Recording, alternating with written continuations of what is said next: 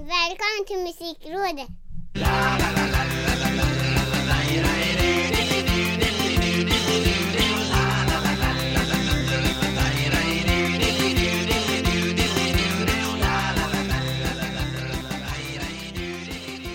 Det har blivit dags för det tjugonde avsnittet av Musikrådet. 20 veckor Åh, i rad. Det är lite, det är något speciellt med det så vi tänkte väl ha en liten speciell eh, programpunkt idag för att uppmärksamma detta. Och vi Det är Micke Mjörnberg, det är jag det och Ricky Holmqvist, den passionerade östgöten som alltid dyker djupast bland alla musikrelaterade saker som dyker upp Eller hur? Ja men det gör jag. Jag är lite musikens eh, Janne Josefsson. Ska vi kalla det för det? Ja, ständigt utrustad med superlativ över de mest bleka låtarna som kan dyka upp Det är mitt signum. Det Och- finns ingen dålig musik. Poddens optimist ska nu Ja, få precis. frågan av poddens pessimist Vad har du lyssnat på den senaste veckan? Mr eh, glaset alltid halvfullt. Eh, Halvtomt den här veckan. ja, den här veckan har jag eh, lyssnat lite gammalt och eh, lite nytt. mm. Eh, Hurula, din granne, släppte ju en singel. Som heter Änglar. Och då är du alltid snabbt framme Ja, eh, ständigt nyfiken på hur det kommer att låta ur det hurulska hemmet.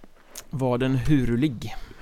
Eh, ja, den är hurulig om man tänker på hur Robert Hurula låter nu för tiden.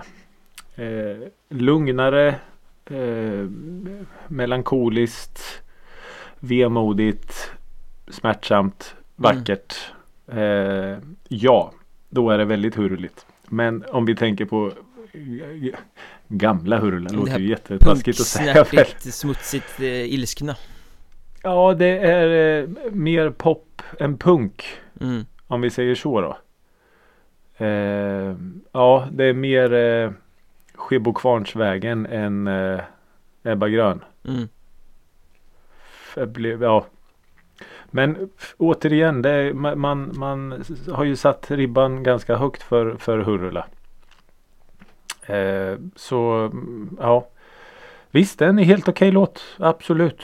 Men eh, ja, man förväntar sig lite mer. Det gör man ju faktiskt. Mm. Du är inte helt fan av det här nya Hurula-soundet så att säga Nej, och det, alltså det här har vi ju gått igenom innan också. Att det är ju kanske först live som de här låtarna får, får den, den kostymen och den skepnaden som de faktiskt förtjänar. mm.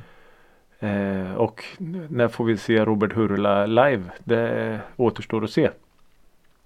Men, Någon eh, gång när eh, den här så kallade pandemin inte har sitt järngrepp om världen längre Det verkar Ja. ju dröja Ja, det, det gör ju det. Eh, och ja, det får väl ta den tid det tar, tänker jag. Så man inte riskerar livet bara man går ut. Eh, men visst, det är frustrerande. Men som sagt, en, en helt okej låt ändå från, från eh, Hurula. mm. Inget som kanske fastnar eller som jag kommer att att så här, ständigt återkomma till. Eh, ändå. Eh, sen har jag lyssnat på en, en artist som heter Nicky William. Det har jag nog aldrig hört talas om tror jag Nej, och trots namnet så är Nicky William eh, svensk. Eh, och det här är också ganska roligt för att jag var på en konsert i Linköping för eh, många år sedan och då var Nicky William förakt till Jonathan Johansson. Okej, är det samma eh, genretillhörighet också då? Det Nej, det här är lite mer eh, avskalat eh, melodramatiskt eh, pop, enkel pop, lite akustisk eh, buren popmusik. mm. Eh, inte samma elektroniska som, som Jonathan huserar i. Eh, men då var det, det var Nicky William och så var det Johannes Runemark som vi pratade om. Casino Casino ja. De två eh, körde eh, helt rakt upp och ner akustiskt. Och Nicky William har en så otroligt säregen röst. Eh, den är mörk, den är i brist på, på andra ord väldigt Johnny Cashig. Ja, Eh, ja, för att, väldigt, ja, väldigt enkelt förklarat. Eh, och jag blev helt knockad. på livescenen här nu då alltså. Ja, det var Mm. så sjukt bra så jag var tvungen att söka upp eh, Nicky William efteråt och bara shit du vad, vad, vad bra det är. Kan vi, kan vi inte göra en inspelning för, för Drevet? Drevet har en eh, sådär. Så gjorde vi en eh, Drevet rullar Mm. Med Nicky William och Johannes Runemark nere i en mörk källare sent på natten. eh, och då framförde han en låt för mig som hette Future Lover. Ja, Och det är en sån här låt som den har hängt med ända sedan den natten där nere och den är så löjligt, löjligt bra. Eh, så, trots att Nicky William har, har släppt låtar eh, sen Ja, dess. sen dess, tack. Eh, så, så är det ändå den låten jag ständigt återkommer till för att det finns två textrader i den låten som, som är så fantastiskt underbara. Som man, alltså om jag säger så här. Eh, I don't know if I dreamed of you all night or if you're just the first thing on my mind. Mm. Det är så otroligt vackert. Och sen så börjar han vers två med I'd like to dream of love but lately I'm falling in love with dreaming. Mhm. Jo, Och det så, var lite och så sitter, ändå. eh, Och så sitter poeten Holmqvist där och bara ah, vad vackert. Poeten Åh, vad vackert Holmqvist. Det var höga tankar om dig själv. Ja jag vet. Aldrig skrivit en dikt i hela mitt liv men ja men eh, ja, jag vet inte. Jag älskar ju sådana där vackra textrader som, som riktigt skär i, i hjärtat så. Är det inte lite märkligt det där att när det är en låttext så blir man så här åh, men så fort någon säger att det är en dikt så tycker man att det är lite obekvämt och lite stolpigt. Oj, ja det var en, en väldigt bra eh, iakttagelse. Så är det ju absolut. Jag menar, jag menar- egentligen att bläddra i ett texthäfte är ju som att läsa en diktsamling på sätt och Ja, vis. oh ja. Oh ja. Och jag menar, jag tycker att eh, om, om vi ska gå till svenska eh, rockpoeter som alltså Thåström, Lemark, Winnerbäck och allt vad de nu heter. Det är klart att de är, de är ju poeter. Ja, De gör ju tonsatta dikter på något sätt. Men det är ju coolare att säga att man är rockpoet än att säga att man är rödvinspoet. Ja, precis. Rödvinspoeter är vi allihopa tror jag. ja. Eh, nej, så men absolut, det, det, jag, jag håller med dig. Men eh, just den, den låten Future Lover med Nicky William är rasande vacker faktiskt. Mm. Eh, den här, eh, vad fan heter den? Young Wallander. Filmen? Ja, eller serien som är så asbespottad nu så det Ja, att den utspelar sig i Sverige men alla pratar engelska eller något sånt där va? Ja men precis. Det finns eh, jag har, jag har inte sett den själv men när man eh, råkar hamna på den på Netflix och när den här trailern rullar igång så är det en Silvana Imam eh, låt Jaha, som agerar eh, trailermusik där. okej. En, eh, eh, hennes Tänd alla ljus. Mm, den är bra. Ja den är ju fantastisk. Det, jag tror det är en eh, lite så remix eller en uppdaterad version där någon eh, gästar Okej. och eh, rappar på engelska. Jag tror det, jag vet inte. Jag har inte hört just den versionen. Men det fick mig att eh, gå tillbaks till eh, Silvana Imam och framförallt då den Tänd alla ljus som är en fantastisk låt alltså. Mm. Eh, och jag har fått äran att uppleva den live eh, många gånger och eh, ja men den är lite speciell den låten faktiskt. Jag, jag gillar den. Det har varit lite retrovecka hos dig då? Du har lyssnat på gamla grejer? Ja, men Minus precis. hyrullar då? Ja, nej men det har, det har blivit lite så och det, det är ju så. Det är, jag tycker inte att det har släppt så mycket bra nytt nu så då blir det att man, man snubblar in i gamla upptrampade hjulspår så, där Mm. man känner sig mest bekväm. Mm. Trygghet. Eh, så- Eller hur? Den musiken är som en skön fleecefilt. Tumkudde. ja men exakt. Eh, så det är lite vad jag har lyssnat på. Då undrar jag självklart vad har spelats i det Mjörnbergska residenset? Jo, alltså det är ju, jag jobbar ju en del hockey och det är ju seriestart till helgen som kommer så jag har ju varit djupt nere i gruvan i eh, flera veckor nu Det är bilagejobb som ska göras klart och det är tips som ska göras och det är lister som ska publiceras och det är Åh oh, herregud. Ja, och mängder av intervjuer som ska göras så att jag har egentligen suttit i, i den gruvan och då passar ju ingenting bättre än att ha bakgrundsmusik postrock Jag tror jag varit inne på det tidigare. Det är liksom stora landskap av ljud, långa ja. låtar med nyanser och dynamik som bara vecklar ut sig. Man kan sitta och lyssna på i, i timtal utan att eh, liksom egentligen reflektera. Det bara finns där som ett väldigt, väldigt skönt sällskap och ja. gör att jobbet flyter bättre. Så att jag har väl egentligen hela den senaste veckan bara lyssnat på postrock det vill säga instrumental, instrumental rockmusik då och, Är det bara instrumentalt? Ja, postrock är instrumentalt ja, okay. eh, Och Ingången är väl egentligen, jag pratade i Norrköpingsavsnittet om PG Lost eller Page Lost som jag fick smäll på fingrarna att man nog ska säga men har man ett bandnamn som skrivs konstigt så får man finna sig i att uttalas lite Aha. hur som helst Jag säger PG Lost De släppte ja. i alla fall en ny låt som heter E22 eh, e eh, Som var helt okej, okay. inte det bästa de har gjort men deras eh, klass är alltid hög så att säga um, Så att den fungerade som ingång och sen har jag lyssnat en hel del på dem men även på ett band som heter Tides from Nebula som är svinbra Även Collapse okay. Under the Empire som är, jag tror de är tyska En duo okay. Som också ja. gör väldigt mycket postrock Så det är väl okay. sådana band som har legat och snurrat och sen när det kopplas ihop på Spotify då så kommer ju en, en, grupp som heter Cripple Black Phoenix med ibland också. Eh, De har sång och jag menar det är klart musiken är väl ganska liknande ibland. Ja. Eh, och det är långa låtar och sådär. Men de har i alla fall en låt som heter To You I Give som är så våldsamt vacker. Oj, eh, Den är nio minuter lång tror jag. Och Ja men det är en sån man kan sitta och sträcklyssna på I timtal. Okay. Om och om och om igen.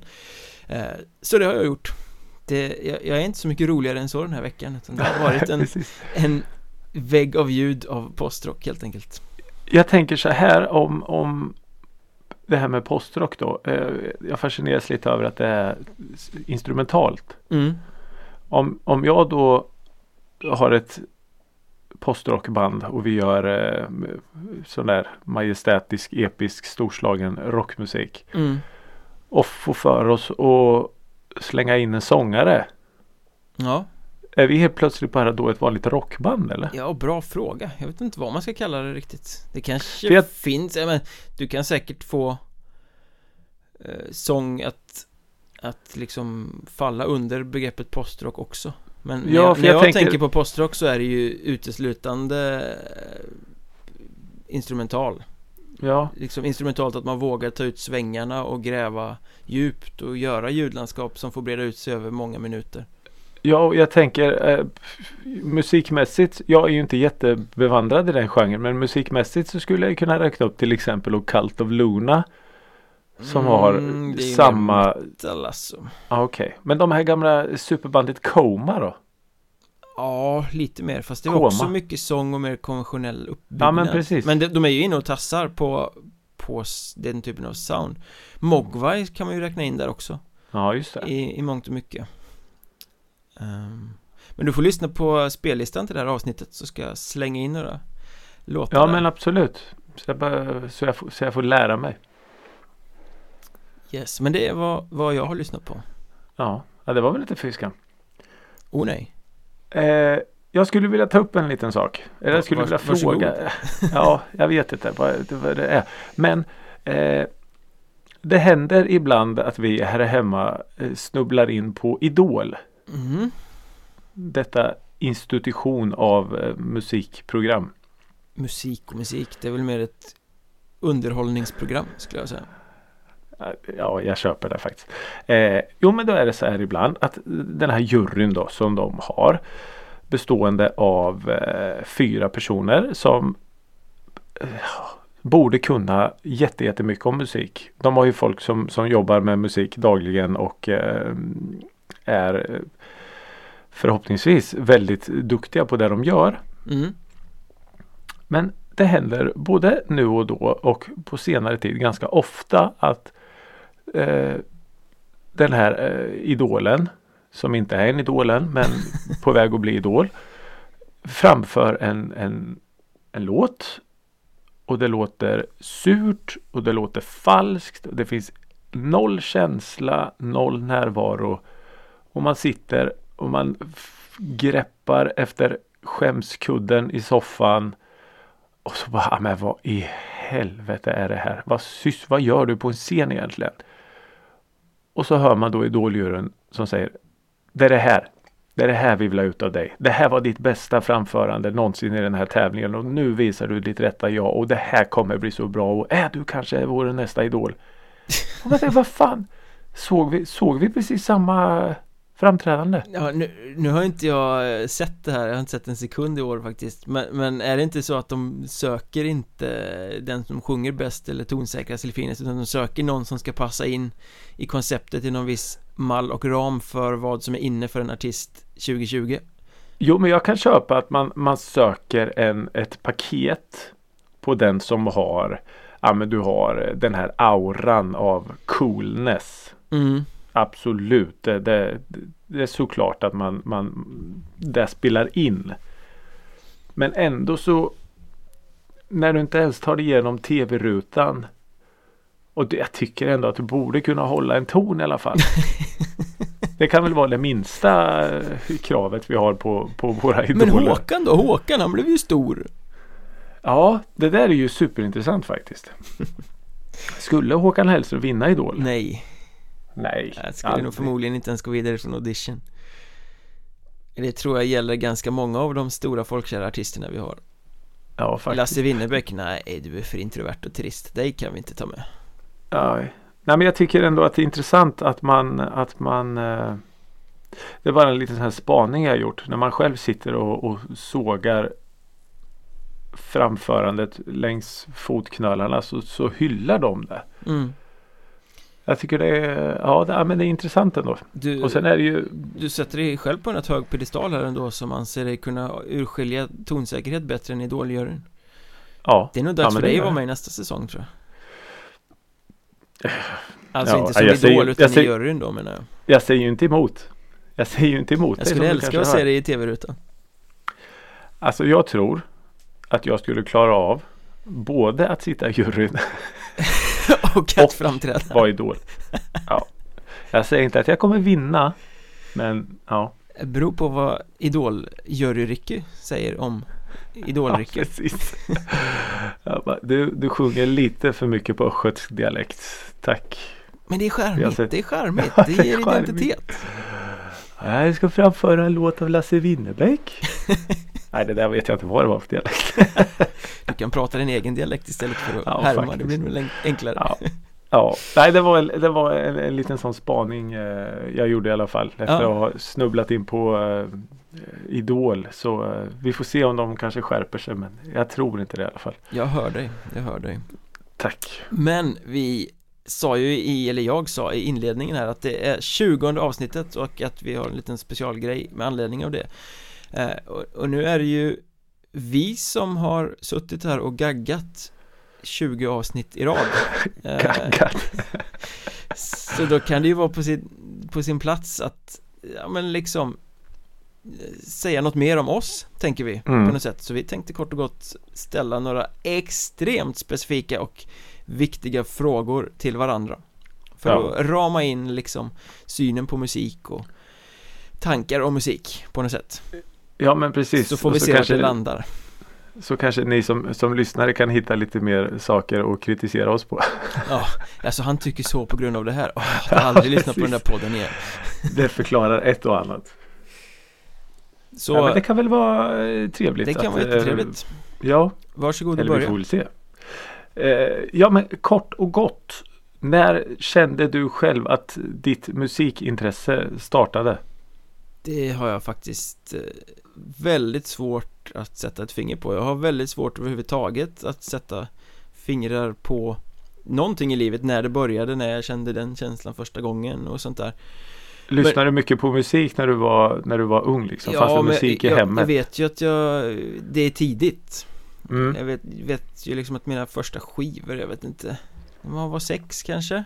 Eller Mm. något sånt där Eh, och musik lär väl ha funnits med innan det Och jag vet att Mm. jag var ju Det är två skivor som jag kommer ihåg Väldigt tydligt, jag vet inte vilken av dem som var först Men det är i alla fall Magnus Ugglas 35-åringen och eh, Grymlings självbetitlade Med den här Jag ger dig mitt allt, mitt bästa för dig du. Ja, oj, oj, oj. Eh, de där Och jag vet ju att jag liksom Lyssnade och lyssnade och lyssnade och Tittade hur mycket som helst i texthäftena och tyckte att det var liksom stort Sen om det Mm. startade där eller inte, det vet jag faktiskt inte Men det är liksom tidigaste minnena i alla fall Ja, just det. Men sen har det ju alltid varit superviktigt, det har ju varit stora delen av livet liksom Ja, ja men det har jag ju förstått. Eh, jag, jag går vidare. Jag vet ju att du har spelat i, i band. Mm, Du kanske har spelat i flera band men jag vet i alla fall att du har spelat i, i ett band. Du var väl eh, trummis va? fantastiskt bra trummis i ett fantastiskt bra band Vad vad vad hette ni? eh, Beyond description Beyond Description. Och då undrar jag så här kort och gott. Vilken var egentligen Beyond Descriptions alltså största hit? Ja, vi gjorde ju bara musikvideo till en låt som hette Full and Empty så det måste ju ha varit den då Ja, Tog sig hela vägen till någon samlingsskiva i Australien tror jag Skitstora var vi skitstora i Australien. Ja.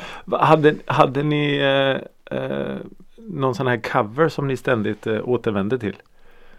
eh, Väldigt många i och med att vi vid sidan av det här för att finansiera grejen även spelade covers på bröllop och fester och sånt Ja, okej. Så det var ett helt smatterband av covers Roligast Ja, okej. att spela är ju eh, utan konkurrens tror jag Song 2 med Blur Mm. För den går folk alltid igång på som tokiga Ja, det är sant. Ja, det är sant. Den är ju fin. En klassiker. Fantastisk låt faktiskt Eh, du är ju som, som vi har eh, lärt känna här i eh, podden eh, hockey, väldigt hockeyintresserad och jobbar mycket med hockey. Mm då undrar jag så här. Vad, vad besöker du mest på ett år? Är det hockeylador eller konserter? Bra fråga, det är nog ganska 50-50 men kanske lite övervikt för konserter Mm. Eh, Jag ser ju överlägset fler hockeymatcher än eh, konserter per år men mycket kan man ju se via TV numera Mm. Så live på plats är det nog eh, kanske konserter faktiskt För det ser till att gå så mycket som det bara går här uppe i, i huvudstaden Ja, just det. Okej. Du måste välja. Måste välja nu. Ja, Aldrig besöka eller se en hockeymatch igen. Eller aldrig få gå på konsert eller festival igen. Nej, det är ju tvärlätt Aldrig gå på hockeymatch igen Alltså, eh, ho- hockey är ett jobb och det är ju kul men eh, musik är en passion och konserter är ju typ det bästa man kan göra så att eh, Mm. skrota ju hockeyn alla dagar i veckan Om jag måste, måste välja Ja, du måste välja. Ja, jag väljer Jag väljer för fan! Okej. Eh, du har ju haft eh, egna fanzin och grejer så länge jag har känt dig och eh, mer därtill. Eh, och jag vet att du har gjort väldigt, väldigt många intervjuer med kända och okända artister Mhm. genom åren. Jo, det har ju Fin- hänt Ja, finns det någon intervju som du känner står ut på ett, vad ska vi säga, alltså negativt sätt? Inte så här som, åh fan den där var bra, den nailar vi, det var ett bra samspel. Utan en sån här intervju som bara, åh fy fan, det där var inte bra. Ehm, mm, Nej, alltså jag har ju inget sånt här eh, skräckminne där eh, Nej, det liksom intervjuobjektet är superarrogant eller otrevligt eller ointresserat eller sådär det, ja Klart, just det. klart man har okej. gjort många blasé-intervjuer Där det liksom känns som att, ja jag, jag kämpade men jag fick ändå bara De här standardfraserna som redan har stått i 48 000 intervjuer så det här blev ju inte så Ja, spännande just det. Ehm, Men ja, men något som sticker ut lite, det har ju inte så mycket med intervjun att göra för den var nog rätt bra, har jag för mig. Men jag jobbade ju i ett gäng år för en hårdrockstidning som heter Slave State. Den finns fortfarande på, på nätet faktiskt, men Ja, det, här- just det här det. var ju på Mm. den tiden som det var print. Eh, och det var ju ganska länge sedan också, så det här med smartphones och smarta inspelningslösningar och sånt eh, fanns ju inte riktigt. Så jag eh, använde en gammal kassettbandare med någon sorts datormick Som jag tejpade fast på luren eh, På den eh, vanliga fasta telefonen. Så att jag kunde Okej. spela in samtalen. Eh, Ah, eh, Och det funkade ju. Innovativt. Ja, men det, det var så man fick göra på den tiden liksom. Innan högtalartelefoner och sånt kom, då blev det lite lättare. Man kunde spela Ja, in det med en det. diktafon eller vad som helst. Men i alla fall, så gjorde jag. Och jag tror att det var Jag är inte helt hundra på att minnet stämmer här Men jag tror att det var Arch Enemy som jag intervjuade. Ja. Rätt bra intervju, vi hade bra snack och bra samspel. Jag tänkte, ja, men det här blir, det här blir schysst. Lägger på, färdig med samtalet. Ska lyssna på bandet då? För att se hur det blev. Aj fan visade sig att jag har eh, inte kopplat i den här micken i eh, mickintaget utan i hörlursingången.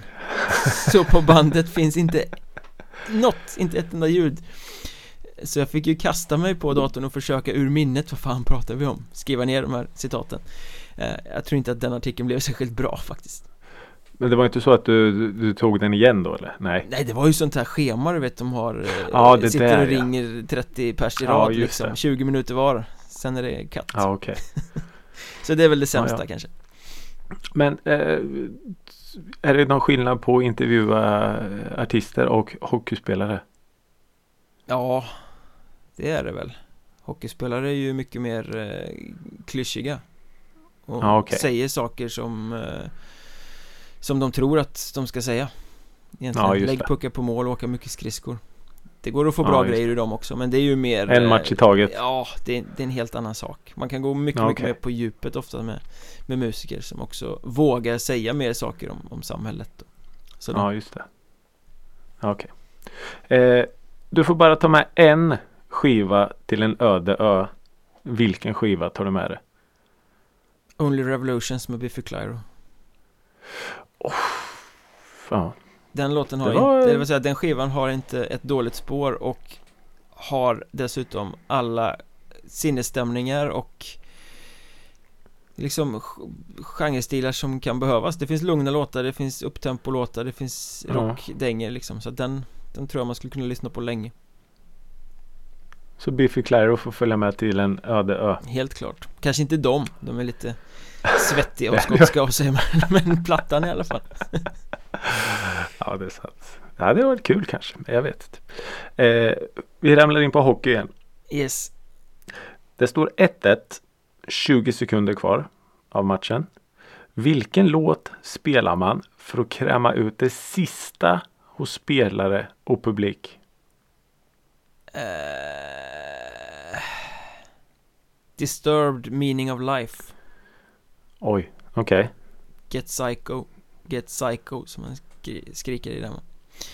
Så då, då liksom pumpas Då blir det bra. Det, det är jävligt mycket ja. rytm i den i den låten också så att eh, Ja men det skulle nog kunna bli stämning med.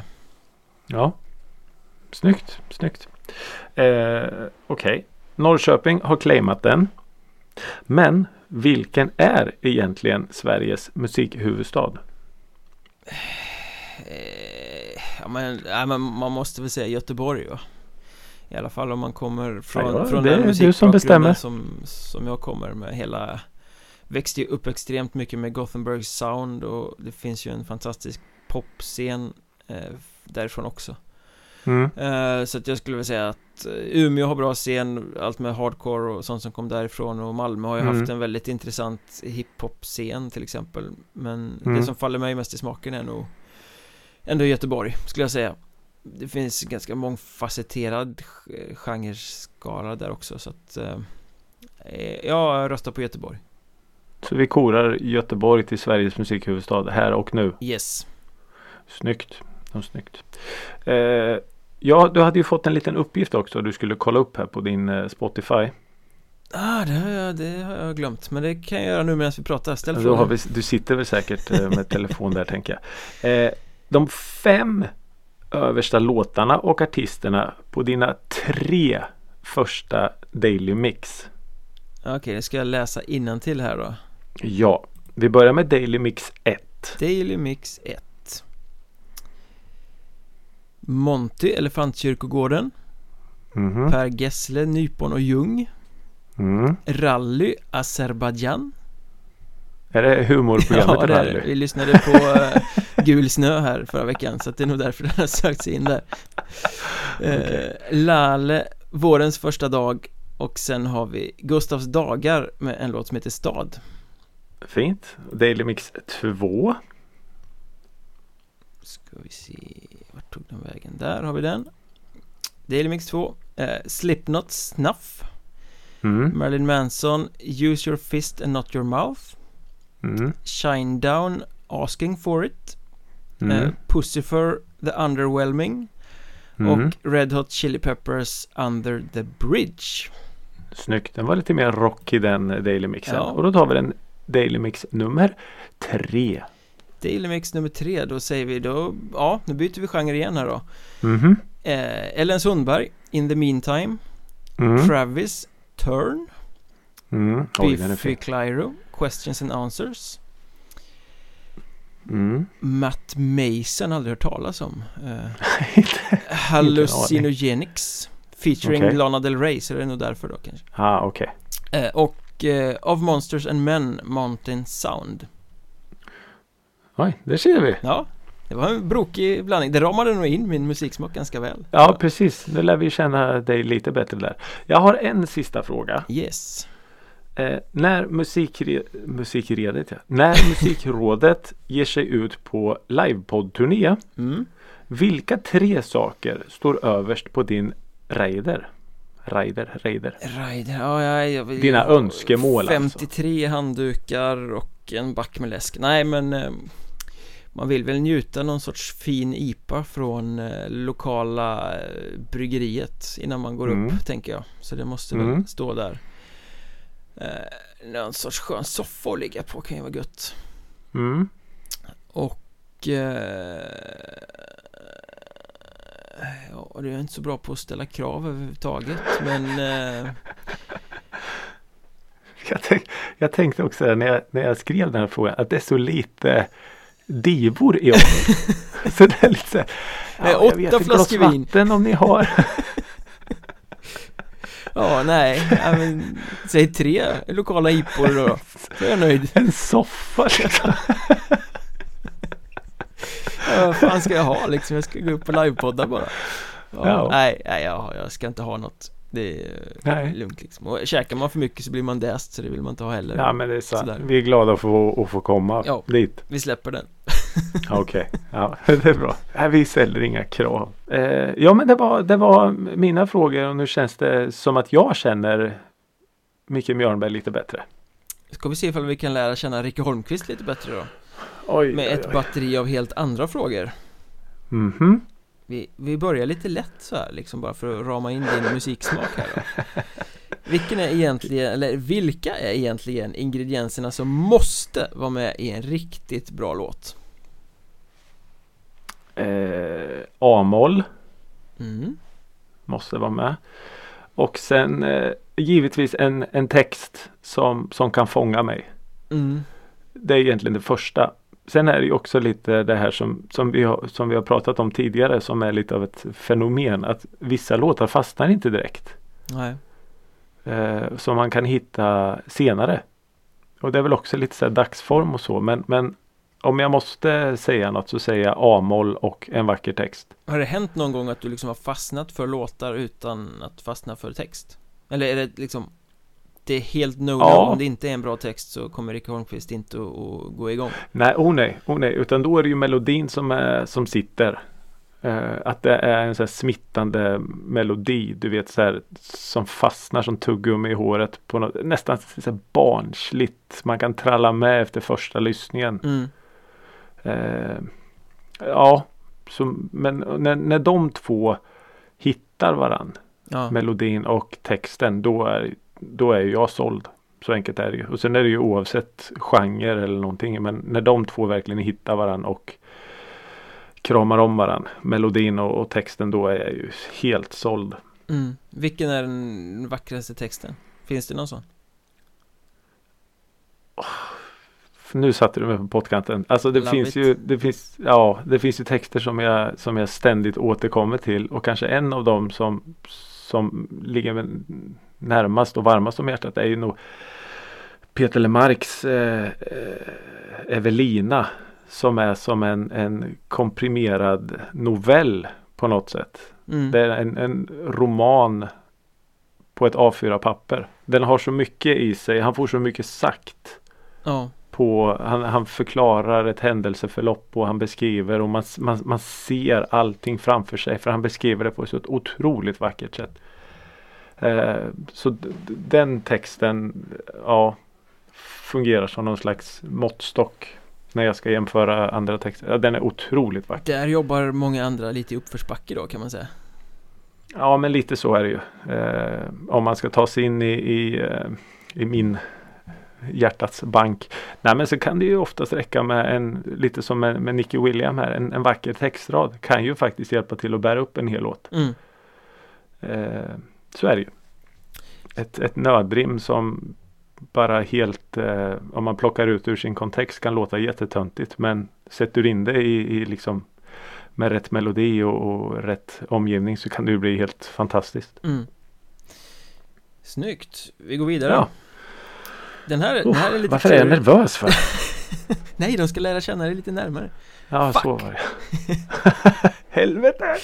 Den här är klurig Den här, Mm. mm. får se om du kan ta den på uppstuds Mm. Vilket band eller artist som du kommit att älska eh, Fortsätter du att bli superpeppad på varje gång det dyker upp minsta lilla livstecken och som du kastar dig över varje nytt släpp på releasedagen Trots att det var länge sedan du faktiskt tyckte att något nytt var bra och att du blir besviken varje gång Och varför fortsätter du då i samma mönster? Wow. Ja. Eh, alltså ja, det är ju lite det som vi var inne på med, med Hurula förut. Men det har nog mer med mina egna förväntningar att göra. Att man har så otroligt högt ställda förväntningar på vissa artister. Mm, Att man förväntar sig stordåd och man förväntar sig den här kicken som man en gång har fått. mm, Eh, jag menar, jag, jag minns fortfarande när eh, Hurula släppte Ont som jag. just och jag det. hörde den, alltså på, den släpptes väl midnatt då. Jag hörde den direkt på morgonen. Och du vet, jag kunde inte lyssna på annat den dagen. Nej, Med det här gitarrintrot och eh, texten och attityden och kä- alltså åh. Så det, det är där man, Hurula ska släppa nytt. Ah, det är där man förväntar sig varje gång då, den kicken. mm. Oavsett om det inte har varit så de senaste gångerna Ja men det, det är väl lite så de senaste släppen kanske inte alls har. Men samtidigt så det, det är ju mig det är fel på. Det är ju inte, det är inte Robert Hurula. Ja, nej inte i det här fallet kanske men det finns väl också artister tänker jag som blir sämre, blir dåliga liksom. Jo men lite så. Och det, det är väl lika nu. Och ändå med en dåres envishet så tycker man det kommer vara bra den här gången Nej, Ja, ja, det precis. var inte bra den här gången heller Fuck Nej och sen eh, nu gör det ju ont i hjärtat. Jag får ju ont i magen här nu för jag vet vad jag är på väg att säga. Men det är likadant som eh, Kite. Ja, Det har ju också varit. Men det är ju också samma sak där. Det är ju mina förväntningar som är så otroligt höga. när började du bli förväntar sig. besviken på Kite? Eh, jag vet att det var någon låt. Nu kommer jag inte ihåg vad den heter. Den heter Tranås någonting. Mm, Den är, den, är, den är jättebra. Men inte så bra som jag hade hoppats. Och det är ju återigen, det är ju inte, det är inte Kites fel. Det är ju mitt fel. Det är ju bara mitt fel. det är dig det är fel på helt enkelt Ja men det är mig det är fel på för jag har så löjligt höga förväntningar. Men samtidigt så vet jag ju också när eh, Oasis till exempel när de, när de var aktiva och släppte skivor som jag var De var ju rent av dåliga ja. faktiskt. De sista typ tre skivorna var ju jättedåliga. Men ändå. Jag sprang ju och köpte dem och lyssnade på dem och tyckte ju då att de var bra. Ja, men det är för för att man var- vill så gärna Ja men precis. Men om man ser sig själv i spegeln så bara du det här är ju inte bra. Det här är ju inte bra. eh, så ja det, det finns väl en, en eh, handfull sådana artister som men, men just Oasis eh, var väl det var inte bra. Nej, De andra som jag har sagt här är väl det är ju mer mig det är fel på. ja, men eh, i Oasis fallet så är det Oasis det är fel på Ja Det, det det är är det. bra så Ja. Eh, Du är ju en sån som gillar musik väldigt mycket och, Ja. och folk vet om att du är väldigt musikintresserad och går på eh, väldigt mycket spelningar och Ja. så vidare Så att jag Ja. förutsätter att du får frågan eh, Vilken är den bästa spelningen du har varit på I alla fall några gånger om året Ja, Kan det stämma? det stämmer eh, absolut. Och då är då frågan alltså Vilken är den första spelningen som du alltid referer- refererar till när du får den frågan? Jag antar att du har en sån go-to Ja men det, det har jag ju och den på senare tid som jag ständigt återkommer till är ju Håkan Hellström på Ullevi. Den första eh, spelningen han gjorde där på Ullevi. Mm. Eh, just för att den var så otroligt storslagen. Eh, dels en artist som man har, har följt så himla länge. Jag menar sen hans första singel. Men just det här monumentet Ullevi. Han, han fyller det till bristningsgränsen. Jag tror den första spelningen var det 69 000 någonting. mm. Och jag har aldrig sett så mycket människor på, på ett och samma ställe förut. Så bara, bara den upplevelsen var ju överväldigande. Ja, Och dessutom då när ja, nästan 140 000 lungor töms på luft i allsång. Och, nej, det, ju, det var ju otroligt häftigt. där har du ju nästan då svarat på följdfrågan här då Var det verkligen så bra? Ja men jag, jo, jag har ju byggt upp något minne nu så ett, ett vykort från den kvällen som är så vackert och jag, det, det har inte på något sätt gulnat än. Nej, Så jag, jag tror att det var så bra. får hoppas det Ja, sen finns det ju andra spelningar som man som man, man återkommer till. Jag vet det var, vi var på någon Hurula-spelning i, i Linköping som var också sådär totalt, totalt knockad. Eh, men det, det är också svårt för, det är lättare för någon att säga till någon att ja men Håkan Hellström Ullevi liksom. Mm. Det, det fattar folk mer än Hurula. Mm. Vem? Ja, Hur det är en snubbe. Hurula! Nej men och sen är det ju Kite, Kites gjorde ju ett gäng spelningar på Cosmonova Ja, i. Stockholm. mm. Eh, där de hade otroligt eh, häftig sån visuella effekter på den här domen. Eh, det är också en sån spelning som jag kan eh, referera till. Lite beroende på vem jag pratar med. Mm. Eh, ja, så det, det finns några sådana go-to eh, spelningar som jag hävdar är de bästa jag har sett. Eh, förhoppningsvis så kommer det nya sådana snart. Då fortsätter vi här då Vilken är den vad ska, vad ska man säga? Vilket är det största och märkligaste motsatsförhållandet i din musiksmak? Oj. Eh, jag skulle nog säga att när Ricky Holmqvist lyssnar på hiphop Mm, skulle jag nog säga eh, är det största motsatsförhållandet. För att jag älskar eh, beatsen. Nu ska jag inte säga att all hiphop är så men den hiphopen jag lyssnar på kanske just nu med, med den svenska hiphop-scenen som, som är nu. Som är lite mer förortig. mm, Och jag kan, jag kan ta till mig de här beatsen och liksom rytmerna och känslan. Och, men sen är det ju texterna. det är ju, alltså det, det är ju helt stört när man, när man verkligen sätter sig in och lyssnar på vad de sjunger. För det är ju, ja, De är inte skrivna till en vit man, villaboende snart 40 nej. Det är de ju definitivt inte. Och det blir ju ännu mer töntigt när jag sitter i bilen och sjunger med. Yo att jag ska gå ut på gatan. Ja, men att jag ska gå ut på gatan med en AK och alltså nej. Eller en Kalle. Ja, Eh, nej, såklart. Det är ju, du kan det är ju slangen helt, i alla eh, fall det är, Ja, ja, ja. Coolt. Nej, men det är, ju- det är ju helt absurt egentligen. Så det, det, men samtidigt, så- det är ju likadant om jag, om jag får för mig någon gång att lyssna på sån här stenhård, kolsvart dödsmetall. mm, Alltså för att jag gillar det här manglet och de här trummorna som vi har pratat om när det börjar smattra igång.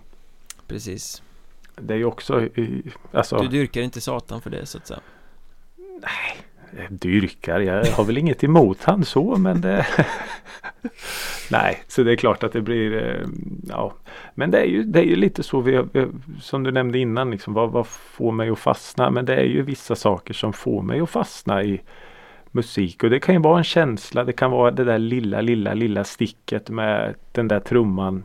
Ja, och, som och annars hör till en genre. gör ju oftast saker intressanta också. Ja men absolut och, och bara det finns någonting äkta och liksom genuint så ja men då kan jag lyssna på det. Men som sagt om jag ska, ska jag plocka ut en grej då är det nog hiphop-texterna som hiphop-texterna, rhymesen Ja. som eh, ja nej. Du har ju jobbat som recensent rätt länge nu Recenserat Ja, det har jag faktiskt. mycket plattor och mycket konserter och eh, Mm. allting sånt där i olika medier Mm. Men om man, om man ställer frågan så här då Att recensera musik Är det egentligen bra eller dåligt för ditt eget musiklyssnande och din egen musiksmak? Eh, dåligt skulle jag säga. Ja. Eh, kanske inte så mycket hur jag lyssnar på musik. För det, det är ganska opåverkat känner jag. Även om jag, om jag, jag har ju märkt att sen jag började med det här eh, recenserandet så lyssnar jag ju på ett annat sätt nu. Det är ofrånkomligt. Det här Jag- man- man okritiska lyssnar- försvinner Ja men precis. Man, man lyssnar med ett annat öra. eh, om man säger så. Men inte jättemycket när jag lyssnar på, på musik. Alltså bara lyssna på musiken. Men det största har ju nu kommit när jag, alltså jag går på en konsert. Jag är ju aldrig 100% civil. Nej Även om du är civil Eh. så att säga Ja, det är ju alltid. Eh, jag recenserar ju alltid när jag går på en konsert. Även om jag inte jobbar så, så gör jag ju det i huvudet. mm. Eh, så ja, så det, det, ja jag, jag påverkas jättemycket av det när jag går på en konsert. Mm. Kan inte riktigt fullt ut eh, njuta av den på samma sätt som jag skulle man, man vilja. har Ja, alltid en recension skriven i huvudet när man går hem liksom. ja, men lite så. Man hittar vinklar och, och sådana saker. Så ja, live, livespelningar är jobbiga ibland. Vi fortsätter på lite samma tema här nu då, sista frågan Mhm. eh, Mm. Handen på hjärtat nu, Ricky Holmqvist Oj. Mm. Blir du arg och förnärmad när någon uttrycker sig negativt om band, artister eller låtar som du gillar väldigt mycket? Ja. Jag älskar det Jag ser framför mig exakt hur, eller så här, gubbgrinig du blir Ja, nej men här, ja, nej men det blir jag. Eh, ja, Kan du läsa en recension skulle- liksom och så bara Nej, det här är ju fel! ja. Jag kanske inte, ja. Ja, jo men lite så är det. Men samtidigt om någon, men du vet den här gamla klyschan. "Ah, Håkan Hellström kan inte sjunga för fan. Och då blir jag bara, men åh. Alltså hur många gånger har jag inte försvarat den där jävla Håkan Hellström? Till exempel. Eller Ja, nej det finns, det, det finns en handfull artister som jag alltså, bl- blir arg om någon säger något illa mot. Som att det skulle vara som en egen familjemedlem. Men även om du rationellt kan förstå att låten de har gjort är rätt kass liksom så Ta Ja, det ja, ändå ja. Ja, ja, ja. Herregud. Har du, har du någon gång blivit så upprörd att du liksom har satt dig och, och mejlat till exempel en recensent och sagt att Du, det här är fel! Så får du inte tycka Ja, jag, ah, fan, ja, vet du vad? Jag har gjort det. Jag kommer inte ihåg exakt vad det var. Men det var nog ingen sån där eh, Det var nog ingen av de artisterna som jag håller nära så, utan det var mer en recensent. Ja, fan, jag kommer inte ihåg vad det var. Det var någon konsert i Norrköping i alla fall och det var någon recensent på vårt gamla kära Folkbladet. Jag tror det var hon, du vet som vi har som vi har eh, pratat om tidigare du och jag. Som, äh, hon kan ju inte skriva, skitsamma. Ja. Jag mejlade i alla fall till chefredaktören och sa men du det här är ju helt absurt. För då hade jag varit på den konserten. Och där den här personen skrev i sin recension. Det var som att men du kan inte ha sett den här konserten. mm. Så då har jag skrivit, men det var inte så att, de, att det var någon sån här, någon skrev dåligt om min eh, artist. Men det var mer att jag, det, det är absurt det här. Du blev arg helt enkelt Ja, det blev det. Eh, ja, men så eh, ja, jag har eh, tvungen att gå upp i ringen många gånger genom åren. Då tror jag att vi har ringat in Ricky Holmqvist rätt bra också herregud. Släppte nervositet, Passionerad släppte eh, nervositeten där tydligen. Ja, jag vet inte. Jag är fortfarande nervös. Nej då, den är, det känns bra Det- att få, få, vad heter det? bekänna eh, vikta mig. Ja, Ja, men det känns bra. vi har ett segment kvar Det viktigaste av dem alla nästan kanske Ja, det ska inte förringas. Skivcirkeln Mm. Montys tusen herregud. år senare från 2011 har vi lyssnat på Ja. Va- ja. Vald av senior Ricky Holmqvist Mm. eh, Och eh, det var ju väldigt kul lyssning Måste jag säga Ja. Jag gick in, i det, jag gick in i det här eh, Jag vet inte, ganska förutsättningslöst för jag tror inte jag har lyssnat på den här plattan någon gång Montmardi har jag ju hört eh, Som Mm. ni förstod i förra avsnittet sådär. men Och Monty, jag är ju medveten om att det aliaset har funnits men den här plattan har gått mig helt förbi och eh, Den är ju tokigt splittrad Skulle jag säga, det, Ja, det det är som att alla varianter av popmusik som existerade 2011 finns med på den här plattan Eh, Och det känns som att Ja. omslaget, där det är, jag antar att det är han som är på bild eh, Fyra olika varianter av honom Ramar in det på ett ganska bra sätt Ja, Det här faktiskt. är väldigt många olika bitar som slängs ihop till en eh, enhet Mm. Men fan vad det funkar Tycker du det? Jag tycker det funkar hur bra som helst Ja. Eh, jag håller med. Den är ju, den är ju spretig. På, och jag, jag, vet du vad? Jag har lyssnat på den här skivan så många gånger. Dels när den kom ut och sen eh, genom åren och sen nu eh, liksom sträcklyssnat. Jag vet inte om ordet spretig om jag gör det positivt eller negativt. Nej, jag tycker det Jag, jag kan fortfarande inte liksom sätta fingret Men jag på tycker det. ändå att det finns ett sound som är hans Men sen rör han sig ju in i väldigt många popstilar Mm. under det soundet på något sätt Det som är, det som är, det finns ju absolut en röd tråd. Ja, Och det är ju liksom texter och hans sound. Det är ju den röda tråden, absolut. och alla låtar skulle ju kunna vara med i Melodifestivalen Utan att det skulle vara konstigt Ja, det, Det finns en tydlig schlagerfeeling över det här tycker jag Jag vet inte om det är sättet Mm. det är producerat på eller sättet refrängerna är ganska snärtiga eh, Men det finns en, en eh, Melodifestival-touch Mm. Ja, det är sant. Det är b- lite som, som vi har pratat om idag. Det här med melodierna, de fastnar ju. mm. Och det är ju slager, eh, slager-ish. Att en melodi fastnar, det är ju jätteviktigt. Ja, verkligen. Fast det gör, ja, eh, på, på sätt och vis För det, det är en annan notering jag har skrivit ner om den här plattan. Att det är svinbra när jag lyssnar. Och jag lyssnar om och om igen och jag sjunger med lite sådär. Men sen stänger jag av och så går det några timmar och sen kommer jag liksom inte riktigt ihåg hur låtarna går. Det är inte så att Ah, jag får med ja. mig hitsen. Jag blir glad och uppåt och igenkänningsfaktor när jag lyssnar och sen är det borta Ah, Jag har okej. lite svårt att sätta fingret på varför det är så Eh, Men ifall du kom och frågade mig nu liksom, ja men hur går Montys eh, låtar? Så skulle jag väl säga, ja jo alltså den är ju bra men eh, Ja, just det. Ja, jag är med på hur du menar. Den är, det, det, jag, det jag kommer ihåg att jag fastnade för. Som jag, jag hade en sån period då när den här skivan kom. Eh, runt 2011 där någonstans. Du vet de här bombastiska 80-talstrummorna. Ja, jag var hela så svag för dem. 80-talspastischen finns ju rätt mycket där. Ja. Det var ju några som eh, bland annat de här Fibes och Fibes och några mer som, De var som lite funkiga ju ja, men tog tillbaks det soundet lite. Att det var inget att skämmas för att det doftade lite 80-tal.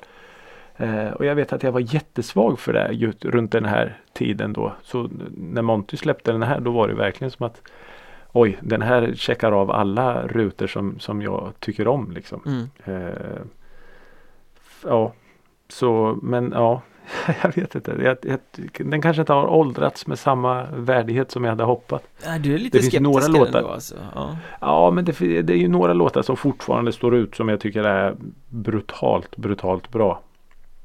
Som till Eh, exempel Ja, men det är ju de här två Dina armar och Mina tempel. mm. Som jag tycker är eh, alltså svinigt bra fortfarande. Just när de här trummorna dunkar in och ja, den här basen som ligger och bara mullrar lite som att det är någon som står med slagborr i källaren liksom, så huset skakar lite Ja. så här. Eh, ja, det är jag ju så svag för. Jag tycker att den här låten som heter Batman är svinbra eh, Mm. Den är så tokhittig på något sätt Också väldigt mycket 80-tals eh, feeling Mm. över det Ja det är det ju. Jag skulle vilja eh, ta upp och, och fråga lite om de två försvenskade coversen som är med på plattan. Vad du tycker om dem. mm. Eh, vi kan börja med eh, Paraply. Mm. Ehm, Som då är- eh, Umbrella Exakt. Usch! Rihannas. Usch! Säger jag Alltså paraply, ply, ply Ja, Nej fy fan vet Den kommer ju sist på plattan men den är ju Umbrella är ju en cool låt i eh, I grunden Tycker jag Men den här covern är ju bara låt. Man vill ju bara gå och lägga sig Alltså jag tycker det är en jätte, jättefin låt. Och jag tycker texten är skitbra. Om det inte hade varit för just det där. Ply, ply, Det para, para, ply, ply. Alltså bara, men det går inte att hänga ut på ply. Det Nej, funkar inte. det gör det inte Utan Jag tycker hela den, jag tycker hela efter- den covern att försvenska det, det är ju bara bedrövligt Ja, det- Han har gjort så Och- mycket bra tidigare på plattan och så kommer den här i slutet och man bara ja. Och så har han då även en låt som heter Gloria. Som är en försvenskad cover av Beyoncés Halo. Ja, och den är också en av de sämre på plattan tycker jag För det Ja. känns det som att det, den går inte riktigt i samma stil som det andra heller Nej. Den sjunger lite högre upp i registret så Ja, det är det jag menar att vissa låtar, jag, jag har inte riktigt, eh, domen har inte riktigt förkunnat sen om spretigt är positivt eller negativt. För att det, det, det är, ja, jag vet, jag vet inte. Det, det, är en svårdömd skiva det här skulle jag säga. Mm. En, så, en det- liten detalj som måste nämnas också är ju första spåret Lejon Mm. De här trummorna som ligger hur, Mm. hur liksom högt mixade de är De tar ju över hela ljudbilden där i början. Och jag Ja. gillar ju trummor så jag tycker det är svincoolt. Mm. Men det är ett ovanligt sätt att mixa för den här, här bongotrummor och skit Det brukar man ju lägga ganska långt bak så att det ja, förhöjer men men här liksom läggs de långt fram. Jag ser den här spattige nissen som brukar spela med Håkan Hellström framför mig när jag hör det Som alltid får Ja, något litet bongotrumsolo på, på konserterna Ja, precis. Ja. Men släpp fram han lite i rampljuset va. Ja, precis. Han kan få fem minuter här när Håkan går och byter jacka. Så. Ja, precis. Nej, men jag, jag förstår vad du menar. Jag förstår vad du menar. Men är det, är det några, eh, någon eller några låtar du skulle vilja eh, plocka ut då och verkligen lyfta? Nej, men det är ju Batman. Helt klart. Mm. Den tycker Mm. jag står ut. Det är väl en av få som jag kommer ihåg också. Och sen Lejon på grund av trummorna. Mm. Det är väl mina Mm. två favoriter. Mm. Och Gloria och eh, Paraply, ply, ply, det är de sämsta. Mm. Ja. Hur får man ens den Ja. idén? Jag blir lite arg när jag tänker på det nu. ja, idén är ju bra tycker jag. Men som sagt, det går inte att sträcka ut ordet paraply hur länge som helst. Det, det blir coolare om man tänker när man gör det på Umbrella eller, eller eh, alltså då, det låter ju coolt på något sätt. Ja. Men ply, ply, ply. Det blir, det blir fel. Det blir, Det blir bara fel. det blir bara jättefel. Ja, tyvärr. Annars så tycker jag faktiskt att den, den låten Paraply är väldigt, eh, väldigt fin. Mm. Eh, väldigt fint arrangerad med piano och jag tycker texten är Texten, han har lyckats få till texten väldigt, väldigt fint tycker jag. Men det är synd att man hakar upp sig på ply, ply, ply. Men jag. vi avslutar inte på en negativ not här utan jag skulle vilja säga att den här Absolut inte. skivan var, ja men som jag sa förut, det var en väldigt positiv överraskning. Jag, ble- jag Mm. blev glad av att lyssna på den här plattan. Mm. Och det finns låtar som, som eh, den är ju nästan eh, tio år gammal den här skivan. Och jag tycker att det finns eh, låtar som, eh, eller den är tio år. Nej det är den inte. Vad är det? Nio- 2020 nio- nu? nio år. Nio år. Den fyller tio nästa år. Och jag tycker att eh, det finns låtar som faktiskt håller än idag. Så eh, ja. Eh, en, en, en helt okej skiva. En, vad ska vi säga, en stabil trea eller? Äh, fyra skulle jag sätta. Svag fyra. En svag fyra, okej. En uh, ljummen, ljummen fyra Mm. ändå. Mm. Mm. Tack Monty. okej. Tack Monty. Vi ska då till nästa vecka om vi tar oss vidare till nästa skivcirkel för att knyta ihop det här. Vi ska byta land, vi ska byta år. Oj. Vi ska Mm. till året 2012, det vill säga ett år framåt i tiden då. Eh, Och vi Ja. ska till USA. Oj, oj, oj, oj, oj. Mm. Alltså, det, vi ska lyssna på det fjärde albumet av ett amerikanskt band och den här skivan som vi ska lyssna på Den kommer liner notes av en viss eh, herre som heter Nick Hornby Mhm. Om du känner till honom Jag känner igen honom, författare Skrev bland annat den här eh, High Fidelity och Fever Pitch. Just Ja, det, mycket bra böcker eh, väldigt bra. Och då tänker jag så här att har han en britt, han är väl brittisk eller? Ja, det borde han vara. Ja, Han skrev man väl skriver inte om fotboll om man är amerikan tänker jag Uh, soccer. Eh, Jaha du. Ett amerikanskt band. Japp Från eh, New Jersey eh, Och vi har ju faktiskt pratat om hockey i det här avsnittet och det kan ju nämnas också att låten Howl eller Hole från den här Howl heter den nog eh, Från den här plattan har använts som mållåt av New Jersey Devils Jag vet inte om det gör den fortfarande men den har gjorts det i alla fall Okej. Howl. Oj vad svårt. Nej. Jag känner ju igen när du säger howl. Jag tänker, kan det vara Gaslight Anthem? Ja, det kan det! Är det det? Är de från, eh, från New Jersey? Oh ja Wow. Deras genre benämns på, i alla fall av Wikipedia som Heartland Rock, Indie Rock, Folkpunk och Punkblues Oj då. Mhm. Det var eh, vitt spridda eh, genrebeteckningar som jag inte vet om jag håller med om Men plattan Nej. som vi ska lyssna på heter alltså Handwritten och kom 2012 Handwritten. Ja, Oj, spännande. Jag har eh, inte lyssnat alls på Gasl- Gaslight Anthem. Jag såg dem på Bråvalla. Tyckte att det var bra. Men mer än så har jag inte kommit i kontakt med dem. då blir det ett litet uppvaknande nu kanske Ja men verkligen. Eh, spännande. Väldigt spännande. Ni som lyssnar, tack för att ni gör det förresten. Eh, Kan jag också passa på att lyssna lite på den plattan till nästa vecka så tar vi en skön diskussion då. Och eh, med det sagt så har vi avslutat vår tjugonde episod. Det är du. Wow. Musikrådet får gå på Systembolaget. Wow. Coolt. Följ oss i sociala medier, recensera oss i poddapparna eh, Fortsätt lyssna, fan vad kul Ja, det är jättekul. Eh, och fortsätt eh, höra av er till oss. Det är alltid lika spännande. Och framförallt fortsätt sprid gospeln. Hej då! Hej då!